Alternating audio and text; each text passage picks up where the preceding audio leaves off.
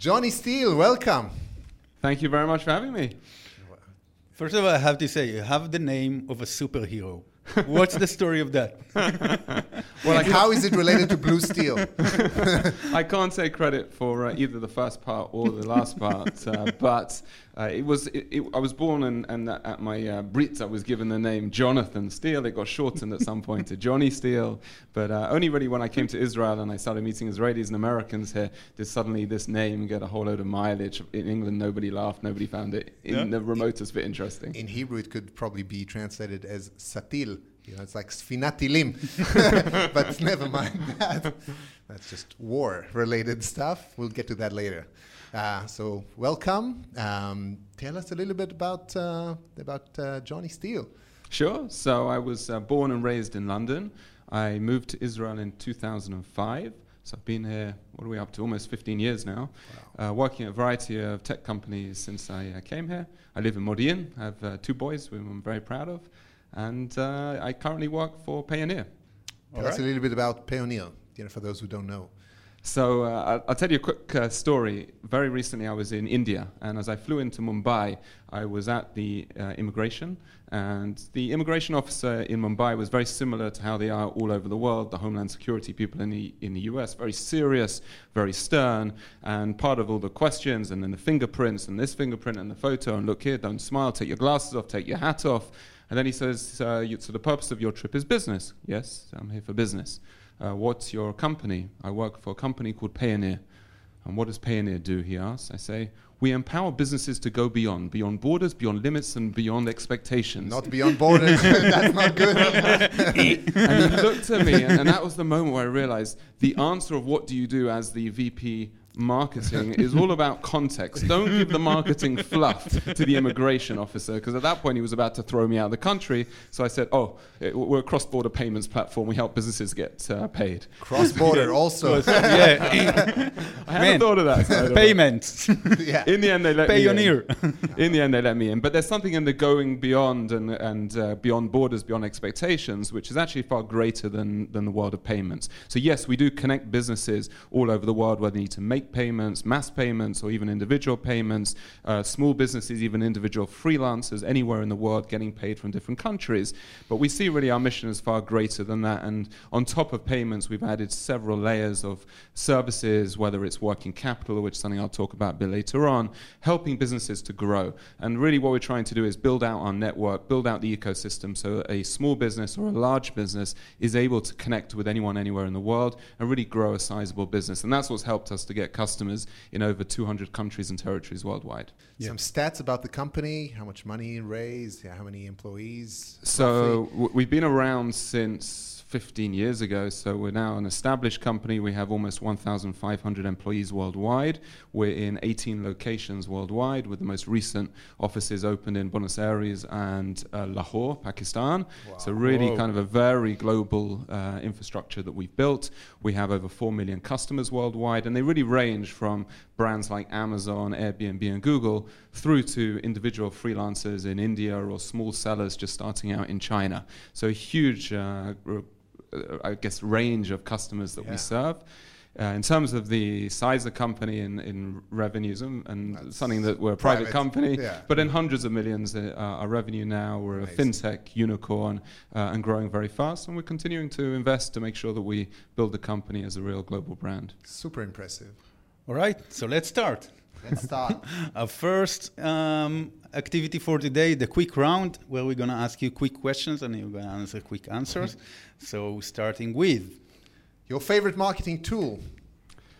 Uh, I've recently started using Drift, the chatbot on the website, mm-hmm. and I think really the answer to that question is there are loads of great tools that are out there. It doesn't really matter which tools you have. What really matters is how you use them. So what I really enjoy about having a chatbot on the website, where we've got a lot of now pre-programmed chats, but also sales agents can jump in depending on the answers, is that you could just continue to test it, continue to optimize it, and based on individual conversations, you start to understand the visitors coming to your website and can keep actually changing the website as much as changing the bot. You're seeing good results with Drift? So far, so good. Uh, we, we've been rolling out country by country, so I think we now have it in about four or five countries. China was the most recent one that we rolled out in. And as we see in every single country we go into, it's a teamwork of bringing the salespeople into the group together with marketing, together with the global functions, and trying to figure out here's our template. This is what's worked for us, say, in the US or in the UK. Let's see how it can work well for China. And we're converting leads. We're even selling right on the spot to customers and actually finding some very big customers that are coming to the website that may not have filled in their details, yeah. may not have signed up for one of the self-serve plans, but actually interacting with the sales rep, getting a meeting booked, and uh, business coming from it. Awesome product. Check it out. All right. I think one point uh, worth mentioning about it, that's uh, uh, a sentence that my father taught me. When you travel abroad, a lot of people get nervous about the places that they're going to visit. You have this sentence. It's not about the places that you don't visit, it's about the ones that you do. I think that's also applicable to like picking a marketing tool. Because a lot of marketers just, there are so many tools, I don't know what to choose just choose one and go just with it. Choose it. Yeah, just choose it. yeah, choose it. I, I stressed a lot over our A/B testing, multivariate testing tool. There are so many out there on the market. Some very, very good ones. Uh, there's some that probably not mm. so good. But generally speaking, now most of them have reached a certain level that they can do so much yeah. that it's entirely about what you do with it. Yeah. And if you start yeah. running more tests and you run tests smartly, then you're going to get results. So we use VWO for our A/B testing and multivariate testing. It, it's probably not the most sophisticated tool that's available on the market, but I still feel there is so much more value we could be getting out of it if we were to continue to use it more and more and in a smarter way. Yeah. All right. Your favorite tech brand? Favorite tech brand. Uh, so uh, this is like right from uh, my, my head today, Spotify. And the reason I say Spotify today is because I was out running uh, early this morning and they broke me. And when I say they broke me, what I mean is I've been listening to music on Spotify now for well over a year today on the run, I signed up for premium oh, while yeah. running. while running, and, and, there are a few amazing things about that. Firstly, I've been hearing the ads non-stop of every few songs. They stop and they yeah. interject yeah. with the ad, uh, telling you to uh, get three months free of premium. I don't think it was three months free of premium at the beginning, but maybe after they're seeing my behavior and seeing my usage, they're realizing that this is probably what will get me in. Yeah, you're uh, tough. I think it, took me like three months. I think it was the Rosh Hashanah dinner uh, when we sat around the table, and I discovered that basically everybody's got a subscription to Spotify. Even my teenage nephew's got a Spotify subscription. I realized that you know, 22 shekel a month or whatever it actually is, it's it's a no-brainer. Yeah. Uh, and what's so beautiful about I think tech today was that whilst running, tracking my run using Strava, which is another app that I love, yeah. uh, listening to Spotify, I just tapped on it. Whilst literally whilst running i subscribed with my paypal account where my credentials are already saved in it and literally within about 30 seconds i had subscribed and you know done deal and i, I guess i'll that's probably amazing. be a customer for a long long time. Yeah a lot of people ask us like what is microcopy and that's a, a, an amazing example in spotify. When you unlike a song uh, they tell you like let's pretend that never happened. Yeah. right? That's yeah, they've got great micro. They get it, and, and what they don't do is bombard you the whole time. I can't think of the last time I received an email from Spotify coming to me saying upgrade, upgrade, upgrade. What yeah. do they do? They do it at the right time in the right place, yeah. and they didn't ruin the experience. It's not like those ads that were popping up and the reminders of, and the pop up around, you know, signing up for a three month free it was never ruining the experience. It would just pause it just for a, a moment. If you're running, you get through it. If you're yeah. driving, you get through it. But it was that constant reminder, and each time realizing the value that I was going to get from it by paying. And uh, so now my uh, PayPal details are in there.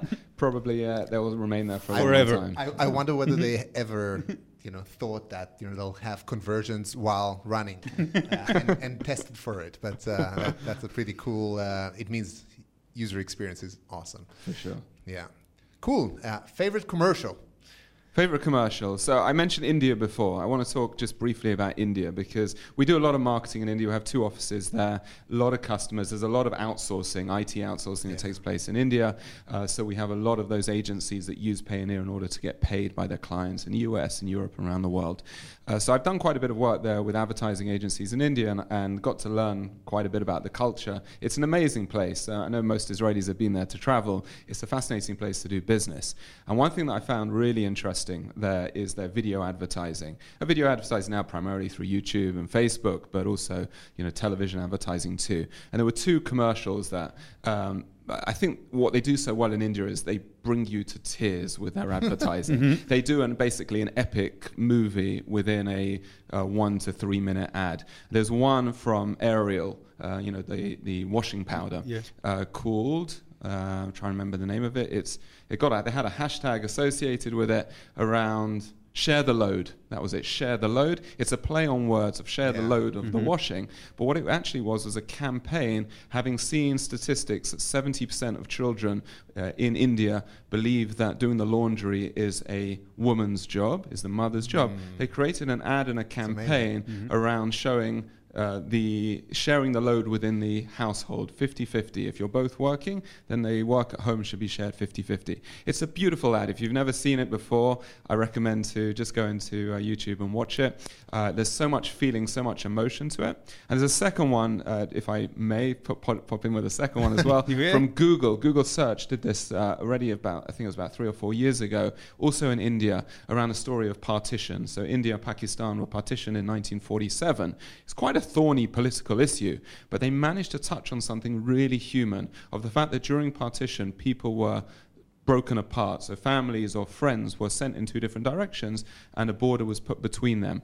And it tells a story about a young woman who is talking to, it looks like her grandfather in India, about his childhood and his friendship with a guy called Yusuf in Lahore, and how they'd never seen each other since, and what they used to do as kids. And so she starts going through on search, and from the pieces of the story he tells from many years before, she manages to identify the sweet shop in the candy store in Lahore. She contacts them, she reaches out to the grandson as it is there, connects with them, and they manage to do a reunion between these two old friends.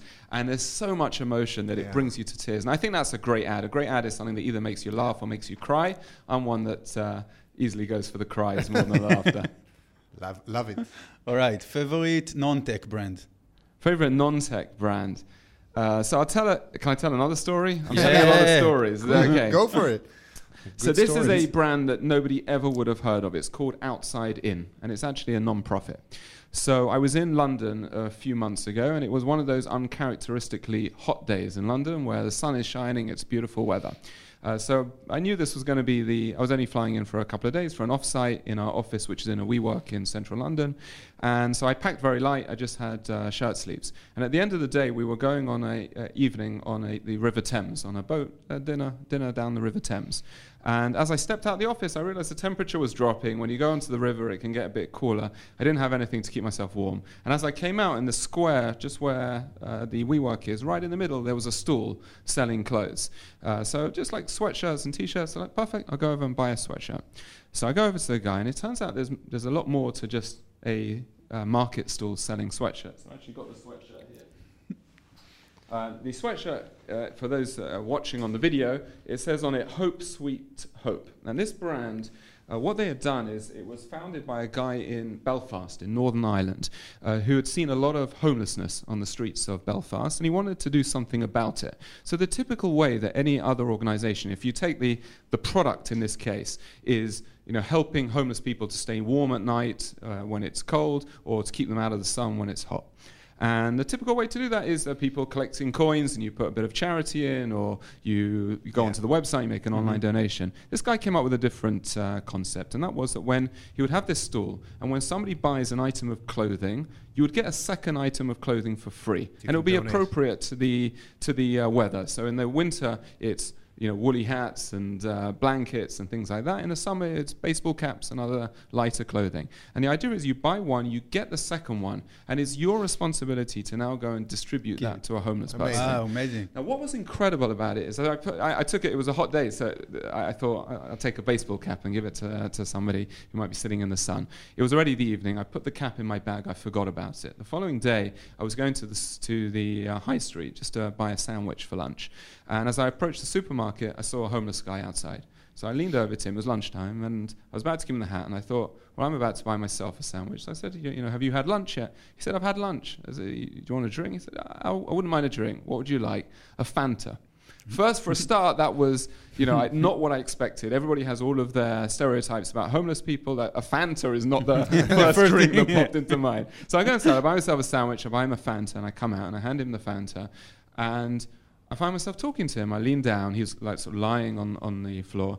Um, ask him his name. He tells me his name. He tells me where he's from. He's from Romania. He's been in the UK for six, seven years. He told me he had an accident. He lifted up his shirt. He wanted to show me his accident, tell, tell me what happened to him, and fallen onto t- hard times and had ended up living on the streets for quite a few years. Clearly, what we would call in Hebrew a misken. Yeah. I gave him the hat, I gave him the Fanta, uh, and I wished him good luck, and I walked off. Um, when I went away from this experience, what I realized was this guy, you know, from Belfast, who was young, he was probably started this business in his uh, parents' uh, home, had done something transformative because he had transformed the experience of giving into one where it's all about engagement. And I think I probably walked away totally changed, having lived in London for all those years, having worked and studied in central London, having walked past probably on a daily basis homeless people. And not once, not once in my life had I ever stopped and spoken to one because Yeah. I had all these preconceptions in my head of, uh, they, they, you know, it's, it's their own fault, they're not doing anything about it. And for once I engaged, I felt something, I felt sorry. I had this opportunity to give him, and this concept of the outside in brand is they want to have people who are, have bought an item from WeWork wearing the same brand as somebody who's living on the street and creating those engagements between people. And I think that's an incredible lesson of taking something which is very Yeah. standard of just giving money and somebody else will buy the blanket and uh, distribute it to creating an engagement. And that's a non tech brand, non profit, but doing something quite outstanding in a very original, very creative Super manner. Super awesome story. Now I'm gonna cry. I told you I like the songs. yeah. In stark contrast to that, inbound or outbound? inbound or outbound? So I think everybody always likes to say inbound today uh, and, and uh, diss outbound a bit and say outbound is all about interrupting people, getting in their way. It's not relevant anymore. It doesn't get any success because people are not interested in looking at banners. Nobody clicks on banners, uh, even emails. People are, have got ways, you know, through the Gmails to sort of block them and all. And so everything is about inbound and generating interest, and whether it's through content, events. I think I probably agree with that to the to the most part. But I think there's still there's a reason why billboards still exist and why advertising still exists. You know, right now we're going through uh, an effort to release a new product in the US and just rolled it out. It's a product called Capital Advance, which helps e-commerce sellers, say Amazon sellers, coming up to say right now we've got the holiday season. They need more capital, they need cash in order to grow their inventory.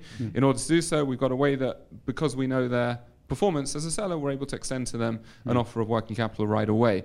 Uh, we're doing this now for domestic sellers. Our entire history has been about serving international cross-border sellers.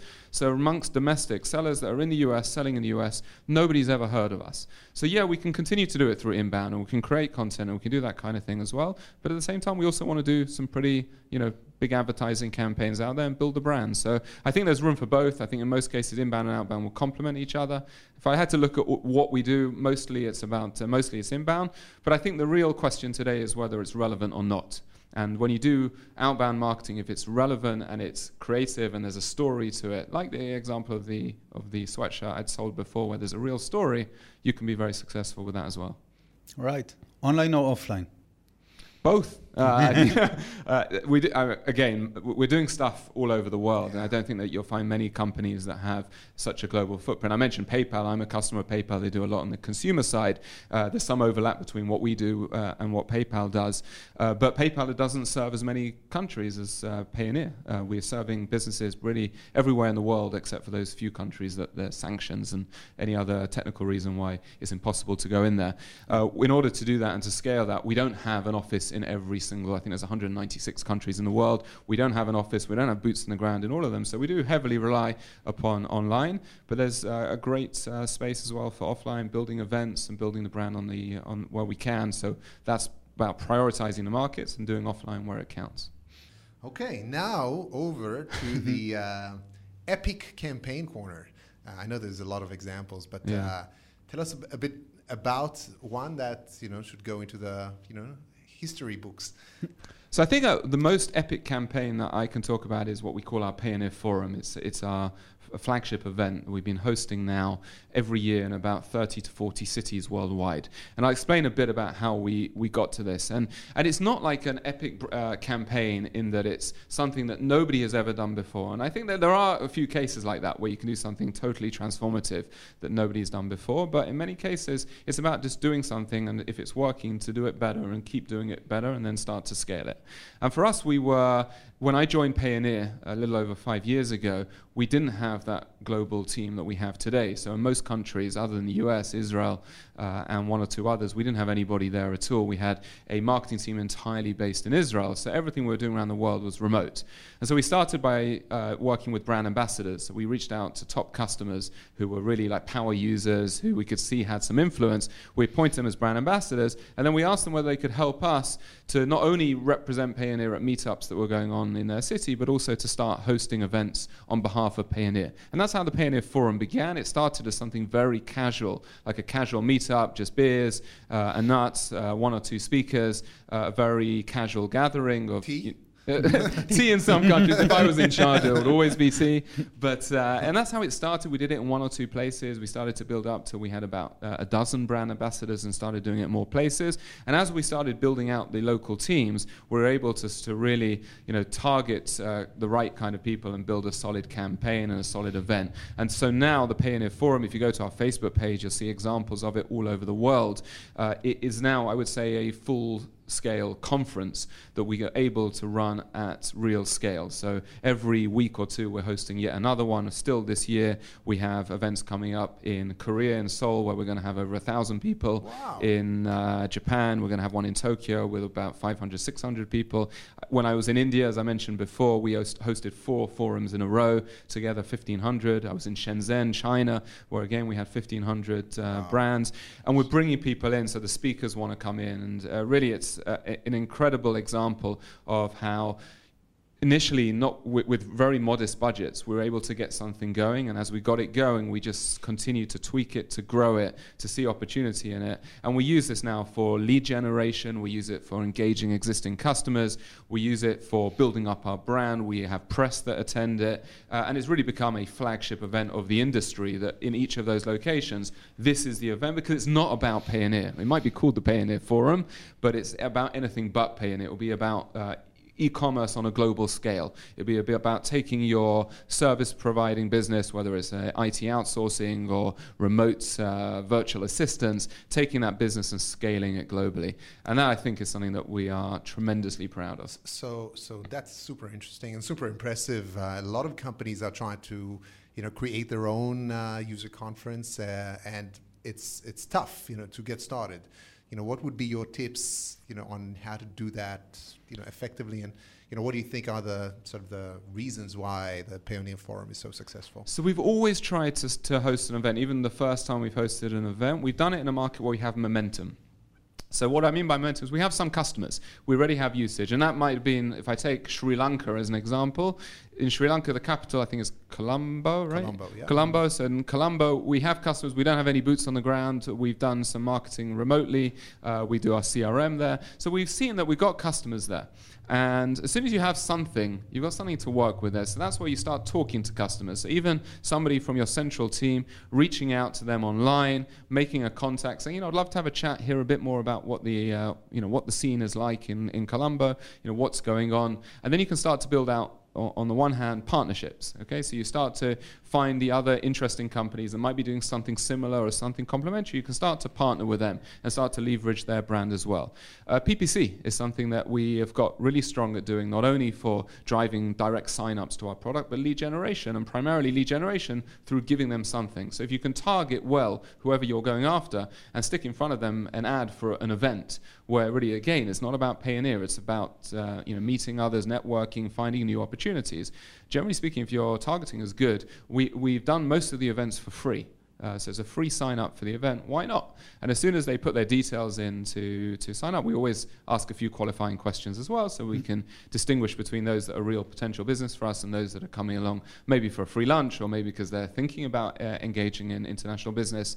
Uh, it gets things running. So you've got your existing customers, you've got potential customers. Through partners, you've got customers of other companies as well. And then slowly, slowly, you build it up. And a meetup can be 20 people, 30 people to Yeah. begin with. You can just Yeah. do it in a uh, bar. Just get started. Once you've done one, you're going to have more to build off because you've got the people that came to the last one who will then become kind of like your ambassadors who will bring their friends along to the future events. So it just builds momentum. So the size and the scale of the events that we host today, the one in China, we had, I think, about 50 sessions across three different tracks in the largest hotel in, uh, in Shenzhen, in South China. Next year would have to be in a conference center because, because we're so big. And the only way we got to that is step by step.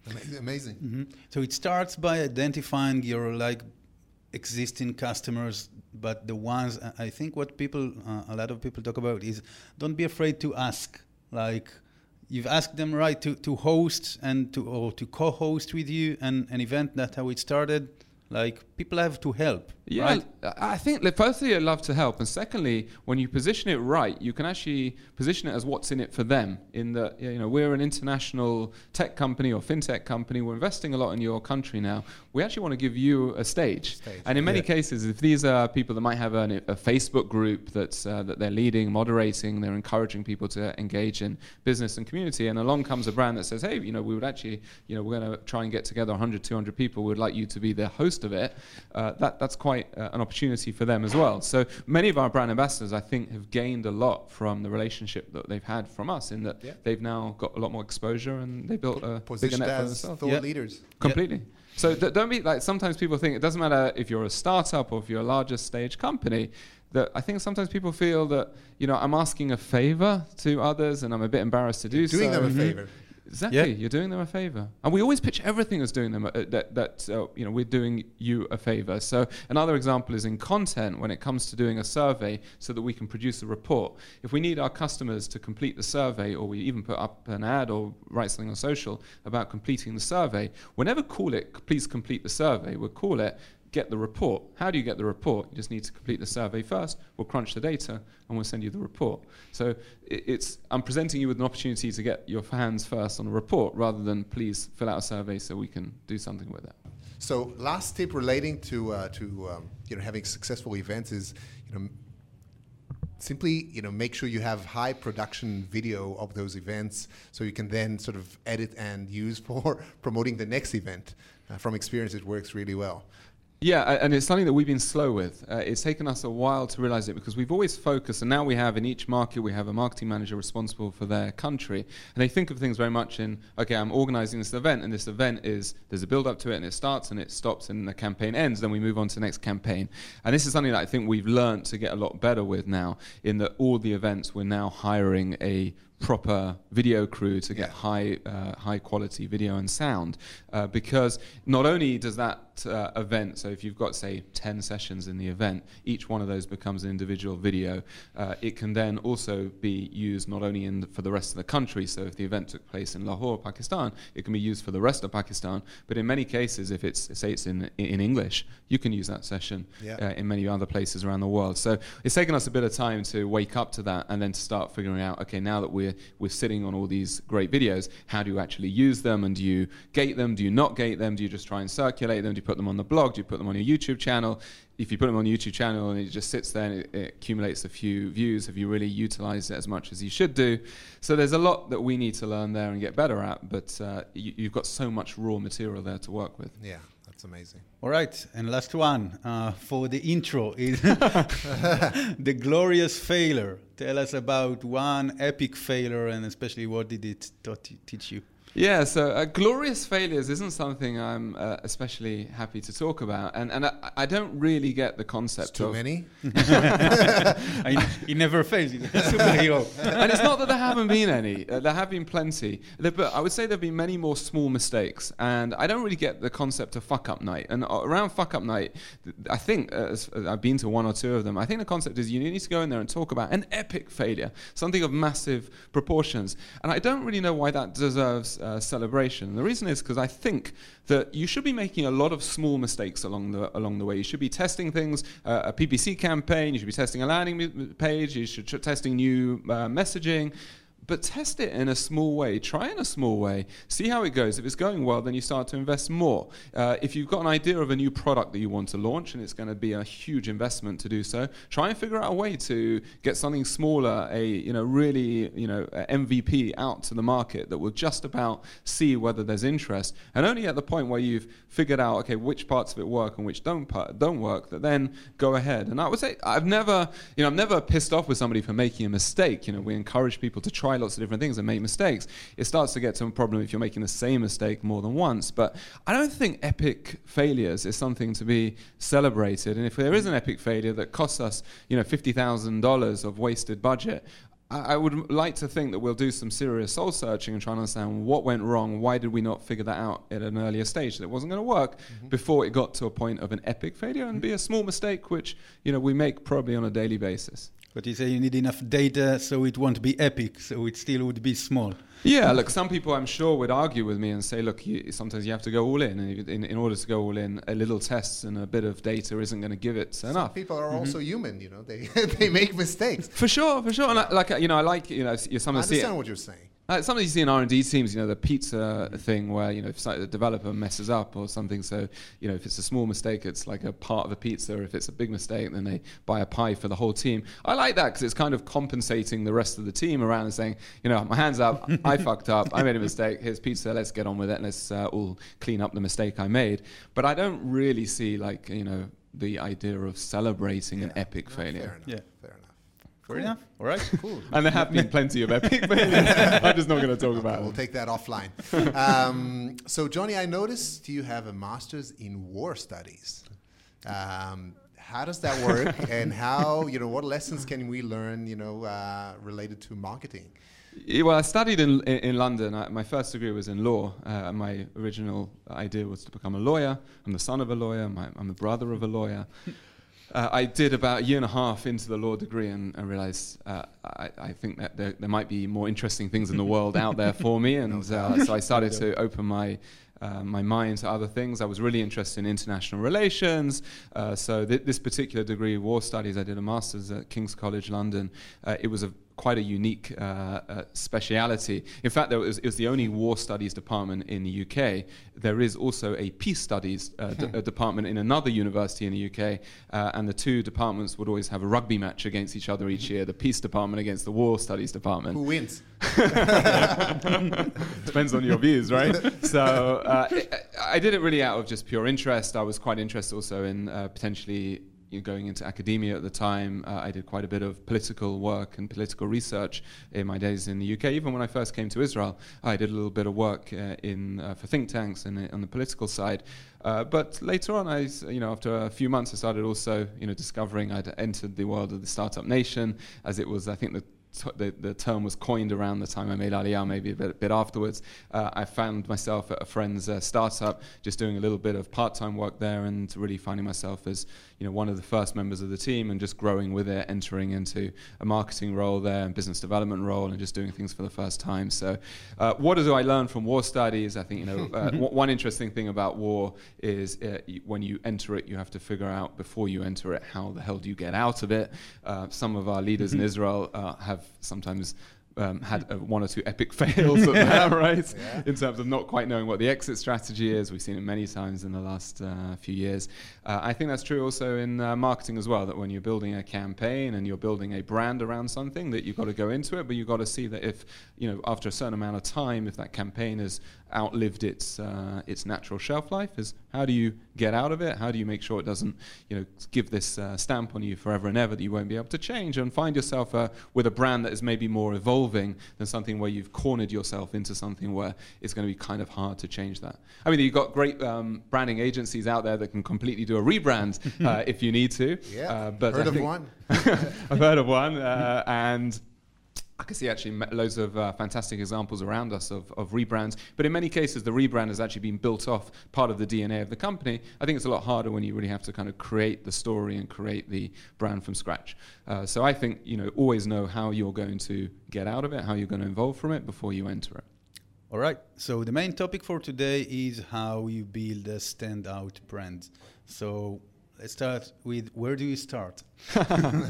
so I think you have to really know yourself. You have to understand, you know, what it is that you're doing. And, and many companies out there will claim, you know, especially startups, when the startup goes to the VCs and pitches, the VC says, well, who are your competitors? They say, uh, we don't have a competitor. What we're doing is truly unique. And everyone knows that's, that's the biggest lie. Yeah. Right? It's a, it's, it's a big lie. Uh, everybody knows Don't do it. don't try it at home. uh, you have competitors, and in many cases, if you're really honest with yourself, you'll actually accept that there's a large part of what you do which is commoditized. Maybe it's not everything, and maybe there's no company out there that does exactly what you do in all markets, all cases, for all verticals. But there are elements of what you have where you have direct competitors, and the product itself is commoditized. And in order to be able to stand out, what you have to have there is a brand that has some kind of meaning, some kind of story behind it. And if you take something, let's go to an extreme example of, uh, let's say, mineral water, drinking water. I, I, don't think there can possibly be any product which is more commoditized yep. than H2O in a bottle. uh, but in order to be able to do that and to create something like uh, Evian, uh, where my wife swears that it tastes better than other waters, even though I did the uh, the Pepsi challenge you on her. replaced the water. She failed it, and yeah. even still, uh, you know, the, the one that beat was the supermarket uh, private label. Uh, she will still swear even afterwards that you know I, you caught me off guard. It was uh, something something I ate before. Nothing to do with that. She's not lying, by the way. Your brain tells you that it's it tastes better. There's clearly a story, right, that Evian has built so that makes it the luxury um, mineral water that you'll find in nice places and nice airport lounges and pay twice as much in, in the uh, supermarket for it. So you've got to create that story around it. And that's something that, in order to create that story, I think first and foremost, you have to try and understand yourself and what it is you're doing and what, you're, what the meaning that you're trying to br- bring to the world. All right. How do you bring meaning to a payment company? So excellent, right? So payments, moving money from place A to place B is not the most exciting thing. Uh, and yes, that is the mechanics of a large amount of what we do. So, how do you create a story around it? So, one example of how we create a story around it is let's take, for example, that small business uh, in India that is looking to expand. They've got some clients, they do web development, and they've got clients in the US and Australia and UK and Canada and other markets around the world. Why are they hiring this agency in India? Probably because they come recommended, and maybe their prices are lower than doing it locally. Uh, maybe they've got a big team, they can scale, they can do the work fast, they've seen good examples. Maybe they found them on a freelance marketplace like Upwork or Fiverr, or maybe they were just uh, found them online or they were recommended. Okay, so you've got that brand. Our story for a company like that and what it is that Payoneer is doing is about being able to grow your business globally. It isn't about moving the money from dollars into rupee, getting it into your bank account, being able to pay your other suppliers that you work with. It's about how do you grow your business. And that's how we engage with our customers. The payments is a means to an end, but what we're really there, our mission is to help them go beyond, enter new markets. And so what we're always trying to do with them is engaging with them and introducing them through the product, through services that we offer, and through our marketing to ways that they can be a more successful company. So if they're a company of five people or ten people that have been to you know, service a few clients each uh, month, our goal is to say to them, by engaging with Payoneer, we're going to help you to grow that company into a company of 50, 100 people with clients not only in two or three countries, but with clients in 20 or 30 countries. And the way we're going to do that is through our ecosystem, through our network, through the services we enable you to now, you know, maybe you were unable to do business in Canada before because you had no way to get paid from Canada. So not only we're going to give you the actual tools to get paid so you can get paid as if you were a Canadian business, but now we're going to also introduce you to new ways that you can actually actually market yourself and be able to gain clients there. So that's a whole story that we've created where, you know, if you go to our homepage, if you go to any of our marketing messages, that you won't see as the first thing uh, get paid or cross border payments. What you'll see there is grow your business, how to expand into new geographies and new markets. Awesome. Another example I can give also is this new service that we created around working capital called Capital Advance, right? So the product is you're, let's say, that Amazon seller, you're coming up to peak season or you want to, um, you know, do a new, you sell socks at the moment, you want to sell slippers as well. In order to sell slippers, you're going to have to go find a supplier and buy, uh, a, you know, a shit ton of slippers to be able to, to put them on Amazon, list them. In order to do that, you need capital. So there, you know, the product is working capital. You know, we put in, we'll offer you some money, and if you want it, you can accept it. And then with each payment that you receive from Amazon over the next few months, part of it we'll take back uh, to repay the, uh, the, the capital advance you got. So that's how you describe it in purely technical terms. In terms of building a brand around it, the brand is you have a vision, but you need a push. And there, the concept is that every entrepreneur, even a small business owner that is, you know, two people selling socks on Amazon, has that vision. That vision might be, I sell it on Amazon.com, but I want to be selling it on Amazon in every, you know, seven or eight markets that Amazon are in.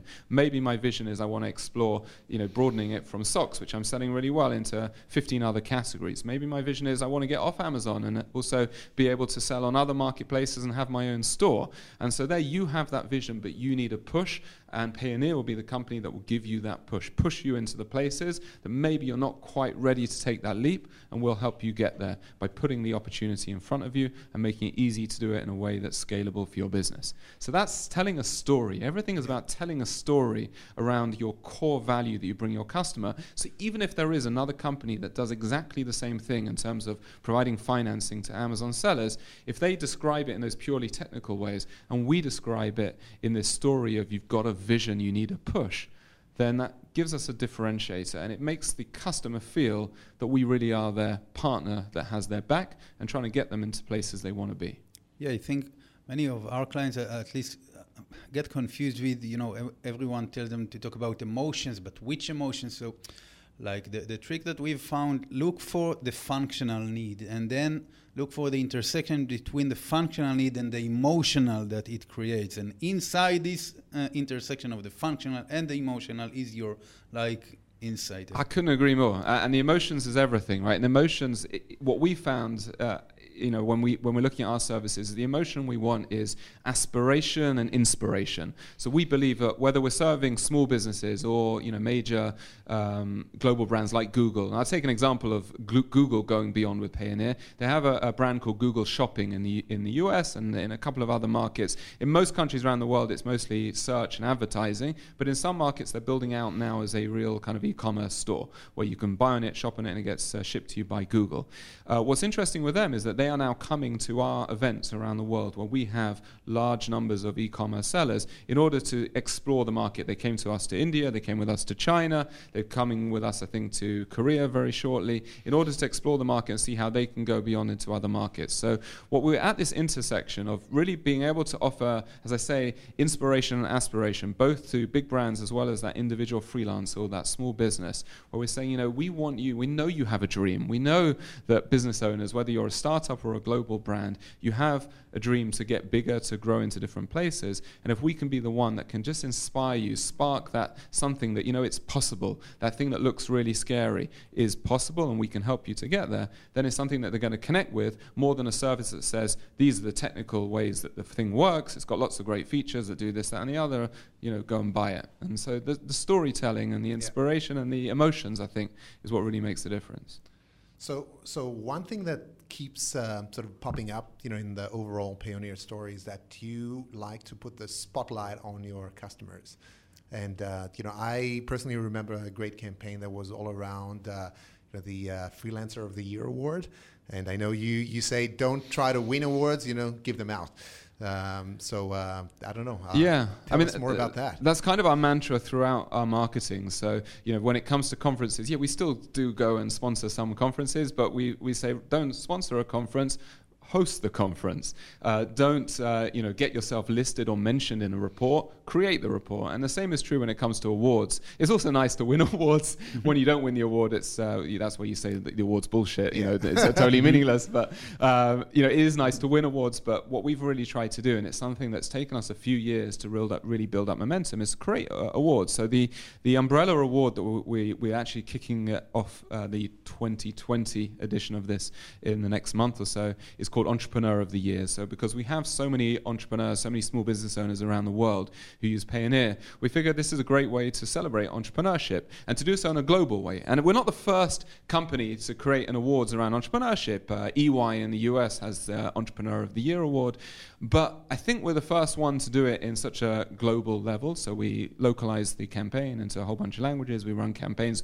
We email out to all of our customers. We put it on uh, on our social media. We even sometimes do PPC around it. Anybody can apply to it. So we have about five or six different categories. So one is Freelancer of the Year award, another is E-commerce Seller, Entrepreneur of the Year, a couple of others I can't uh, remember. One, one thing we're trying to get into this year about is also around values, a business that has a set of values and, and trying to celebrate meaning and, uh, and values as well as you know, clear results. In many cases, the winners have been individual, you know, sole proprietors of a business. Uh, it might be in a really small business, it might be a growing business, uh, but it's a great way. And in every year, we've had more and more entries uh, to it. We celebrate, you know, the winners from a whole bunch of different countries. So it's a global competition, and uh, or it's local localized for each? It, it's global, so we don't necessarily have a winner from every country. Maybe one day we'll get to a point where you know for freelance of the year we'll dish out a whole load uh, of awards. And in previously in previous years we've actually uh, given a uh, like a thousand dollar uh, prize for it. And I think that's a question of like a lack of confidence. At the very beginning when we first did it, we were like, who the hell are we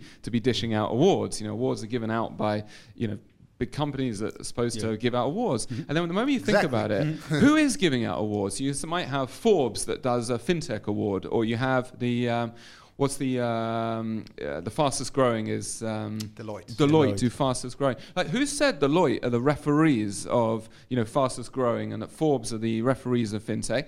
They did. One yeah. day they got out of bed and they said, you know, let's do awards. So we're like, well, we really understand entre- entrepreneurship. Why can't we be the host of it? So the first year we did it, we said the only way people are going to enter this is if we offer them a prize. So we did $1,000. We've now reached a level of confidence that we realize people want to win this award because there is, you know, kavod, there's respect yeah, in winning an award. Mm-hmm. Uh, and that, you know, at the beginning it was all virtual, so we get, we gave them like a logo. Now, because we run these events all around the world, whenever we come next to the city of a winner, we actually make a presentation on the stage. So I had the pleasure of doing that in Kiev, in, in Ukraine. Okay. I was there for one of our forums, and the winner was a, uh, bu- a business owner, has about, I think, 20, 30 employees. Uh, we called him up on stage, we had a photo up, and you could see how much, and it, I think that was the moment where it really, the penny dropped, is like, you know, there I was thinking that maybe this was just a bit of a marketing mm-hmm. fluff and it was a marketing campaign. But wait, the guy was saying, you know, we're going to have a party tomorrow. Tomorrow's Friday. You know, nobody's going to work. We're wow. going to celebrate mm-hmm. this. Wow. Uh, and you see that you know you can actually establish yourself as a you know an authority through through that, and that's just each year you know making a bit more of an effort. I think there's another something to it. I think what makes it charming is that it's really loyal. You, you started talking about your brand story. I think why this is like authentic is because it's loyal to the story that you tell. It's not like out of the blue you're giving awards. You're giving awards to companies that want to grow, that want to that have aspiration, right? For sure, and I guess that's why uh, Deloitte can say give out the award around fastest growing tech companies because they have a pretty solid tech practice. So they've got a good tech practice. I don't know whether their tech practice is bigger than uh, PwC or KPMG, but their tech practice is there, they're doing it well, and so now they've they're presented as and I'm sure that's done their brand a hell of a lot of good. Yeah. So it, it, annoys me when you know when we when you do get listed on that and they then try and sell you the rights to the logo that you have to pay for mm-hmm. it for a year in order to use a logo for like 120 dollars, and you think is that why you're doing it to like monetize 120 dollars from me, or is it actually about brand? And if it's about brand, then you know I think it's about time you dropped your 120. Yes. Ridiculous. We, we end up paying normally. Very cool. Um, any other examples you want to share before we wrap up? So uh, I'll, I'll end with a really kind of different example. So that uh, myself and a few members of the team recently did a workshop with SIT around uh, this theory that they call subtraction. Uh, and the idea of the theory is you take, it, it can be around product as much as it can be around marketing, is you take the essential components of your say, marketing campaign, and you list them all out. So let's take, for an example, um, a conference. So when you go to a conference, what are the essential components you need to have? You need to have team members there. You need to have a booth. You need to have brochures. You need to have giveaways, and so on and so forth. You need to have a way of collecting leads and, and, and that kind of stuff. Mm-hmm. So you list out all your components, and the concept of subtraction is you then remove one of them. And the, the, if you put it, if you created your list well, every one of those components are what you viewed as a sen- essential mm-hmm. to it. So you take one of them out, and let's say the thing you take out is the booth. So like, and you think for, at the beginning, you think to yourself, how do I run a conference sponsorship without a booth? Like that's, you know, that's the real estate. So you, you now have a plot of land with nothing on it. So that what the idea of this theory is, it really creates this opportunity to be really creative because you think, all right, well, you don't have a booth, so you bring your people around and say, well, let's mm. brainstorm. What could we put there instead of a booth? Hmm. And then you start coming up with all sorts of crazy ideas, and whether those ideas are then going to be, well, instead of having a booth, let's have a climbing wall and stick that up in the middle of the conference, or let's have a karaoke station uh, instead, or let's have a magician, or let's have a uh, falafel stand. And whatever Mm-hmm. it is that you are putting in that thing, it, it, it creates an opportunity for a dialogue where it pushes you into a place where you never would have gone if you hadn't subtracted that, uh, that attribute. So, something we're starting to try and do more. And it doesn't necessarily mean that you end with a Falafel a- stand. A falafel Yeah. stand there. But it does lead you into, by removing one of the essential components, it does lead you to think in a way that you never thought before. Yeah, I love it. If I can take the falafel example just a tiny bit Please do. further. Yeah. So uh, I saw an amazing thing. It was on my birthday. We went to uh, the Agam exhibition in Rishon LeZion. There's a museum there, quite a new, really beautiful art gallery. Went there with the kids, and after we had finished, a bit hungry, we're like, let's just go out for a quick falafel. It's my favorite food. Looked into Google, like, where's the closest falafel? Falafel Belgi, Belgian falafel. Have you ever heard of this before? No. No, but that sounds I a bit know like waffle, uh, Belgian. Cimarron. Right, right. So, so w- I just assumed it must be like a Belgian guy that opened a falafel shop. We go there. Um, and the first thing that's quite uh, noticeable about it is that the whole wall, I guess similar to this kind of wall, is full of cuttings of newspapers about the falafel shop. And falafel, going back to what we said before about not having competitors when you really do, is there anything more commoditized than falafel? It's a place where there probably hasn't been that much innovation. There's falafel alba pa'amim that exists in a few places. But other than that, every falafel shop, there are some that are a bit better, some that are a bit worse, but Yeah. it, it all does mm-hmm. exactly the same thing. The concept they came up with is that imagine I don't think they necessarily use SIT's theory around subtraction, mm-hmm. but they removed actually two essential items from it. They removed bread, the pita, and they removed oil from it. Okay, so how do you create a falafel shop when you don't have uh, pita and you don't have oil? So they created a way of making, I guess, like the pita shape out of falafel itself. So the falafel bull had been shaped into like something Mm, to I hold it. stuff. They were creating it, they were making it in a Belgian waffle maker. It's done with no oil whatsoever, and then they fill this kind of uh, huge falafel with the salad and the uh, and the hummus and the trina. good? It's And you eat it, and uh, so and it's got it's got loads of press. You see loads of uh, social media stuff around it now, and I think it's going to open up in a few other places. Uh, what's interesting about it is it opens them up. To, I just found it by chance, but it opens them up to new markets. Uh, gluten free, which is a growing market. So Yeah. this is a gluten free falafel, and anyone who's like really health conscious and doesn't like the idea of oily food and, and that, this is a falafel with no oil. Uh, i- in answer to your question, was it good? I'm still going to go to off falafel off for the which is my favorite one. But there was something about like, wow, that is creativity. That is Yeah. taking something where there's no innovation that's been done to it. Five to stars it. for creativity, three for taste. and you good story, man. It's a good story, and you will get it people is a good going back there. Maybe they've just opened themselves up. Maybe it's crowded, you know, falafel space in Rishon LeZion these days. But there's now one falafel shop which is different. It's got it gets uh, PR because it's just they're doing something in a different way. I don't know if they sell the regular falafel there as well or not, but they can now build their entire brand around this small kind of twist that they've done there. So it just shows you, even in the places which are the most commoditized, where you think there's no room for creativity, there is always a way to rethink it, whether it's rethinking the product as they've done or rethinking the way that you market it, that will always give you a unique story, a unique brand, and be able to succeed and shine. All Out- Out of the pita, creativity. Out of the falafel. That's great. All right. Johnny, Johnny thank you very much. Thank you so much It's for been coming. great to chat with you guys. Yeah, man. Thank Yeah, you. That's great. Thank you very much. Cheers. Cheers.